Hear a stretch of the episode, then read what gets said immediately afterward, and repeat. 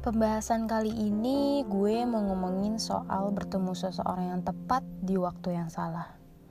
Mungkin frasa ini udah banyak didengar oleh orang banyak. Jadi gue baru aja beres baca AU atau Alternative Universe di Twitter dengan judul Icarus Falls. By the way, AU ini lumayan famous loh.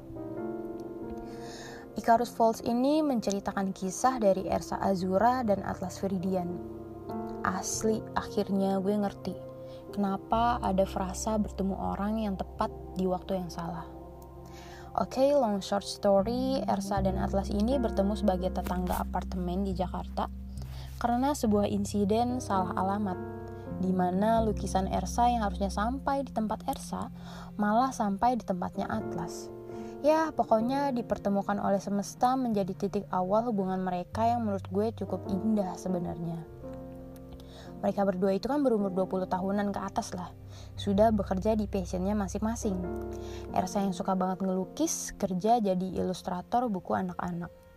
Atlas sendiri adalah seorang fotografer yang beberapa kali menggelar exhibition karyanya dan lumayan terkenal di Indonesia. Pertama yang gue salut adalah love language Atlas yang berupa act of service. Serupa dengan kata-kata sederhana Gue taruh di depan pintu ya. Di depan pintu ya. Seperti biasa di depan pintu. Di dunia pelik yang penuh dengan rasa lelah, mereka menjadi partner yang baik dalam hal movie night, night drive keliling Jakarta di kala penat, TikTok jam 2 malam, McDonald drive-thru date, dan hal-hal sederhana lainnya seperti Atlas yang suka kirimin Ersa makanan yang dia masak sendiri. Mereka adalah dua orang baik yang dipertemukan oleh semesta. Sampai di situ, ketika Ersa dapat tawaran untuk jadi pelukis dalam Resonance, sebuah exhibition yang terkenal di London yang mengharuskan Ersa bekerja kontrak di sana selama tiga tahun. It's her dream. Dan Ersa dipaksa oleh situasi di mana dia harus memilih mimpinya atau Atlas. Atlas yang menjadi rumahnya. Home doesn't always to be places. Sometimes home has a heartbeat and a pair of arms that would hold you close when your world is falling apart. Dan tentu orang baik seperti Atlas pasti mendukung Ersa to chase her dream, walau hatinya penuh pelik dan bergemuruh, tak ingin Ersa pergi dari sisinya. Seperti namanya, Atlas di mitologi Yunani adalah sosok yang menahan langit untuk tidak runtuh ke bumi. Dengan tubuh yang penuh luka, sakit, tangan yang perih, kaki yang hampir tak sanggup lagi. Seperti itulah Atlas Aruna Viridian. Dia seperti teka-teki yang menyimpan banyak luka dalam dirinya. Dia nggak pernah siap untuk menjalin komitmen dengan Ersa.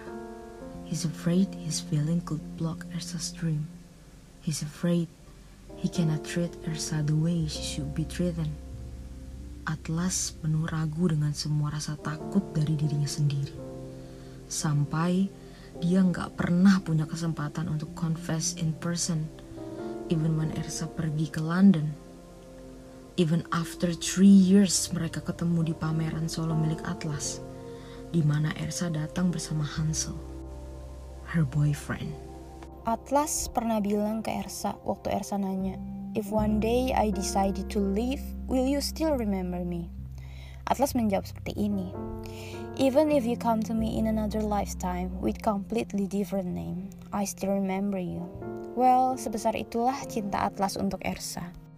Yang gue sayangi ketika baca itu ya, Atlas gak pernah punya kesempatan untuk confess in person.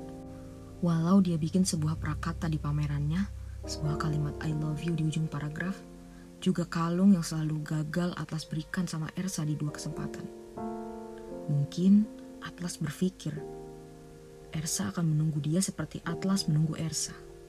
Yah, walau gue nggak bisa judge keputusan Ersa, mimpi dan Atlas, mungkin gue juga akan memilih mimpi. Soal hubungan mereka selama Ersa di London juga cukup pelik. Atlas nggak memberikan penjelasan ketika dia menghilang. Atlas malah bilang kalau mereka harus pergi di jalan yang berbeda untuk menggapai mimpi. Atlas nggak pernah mengira kalau keputusannya bikin perasaan Ersa ke dia perlahan menghilang. Sebagai perempuan, kepastian itu adalah hal yang paling penting dari sebuah hubungan. Jadi, ketika Ersa memilih Hansel, ia tidak pernah menyesali keputusannya.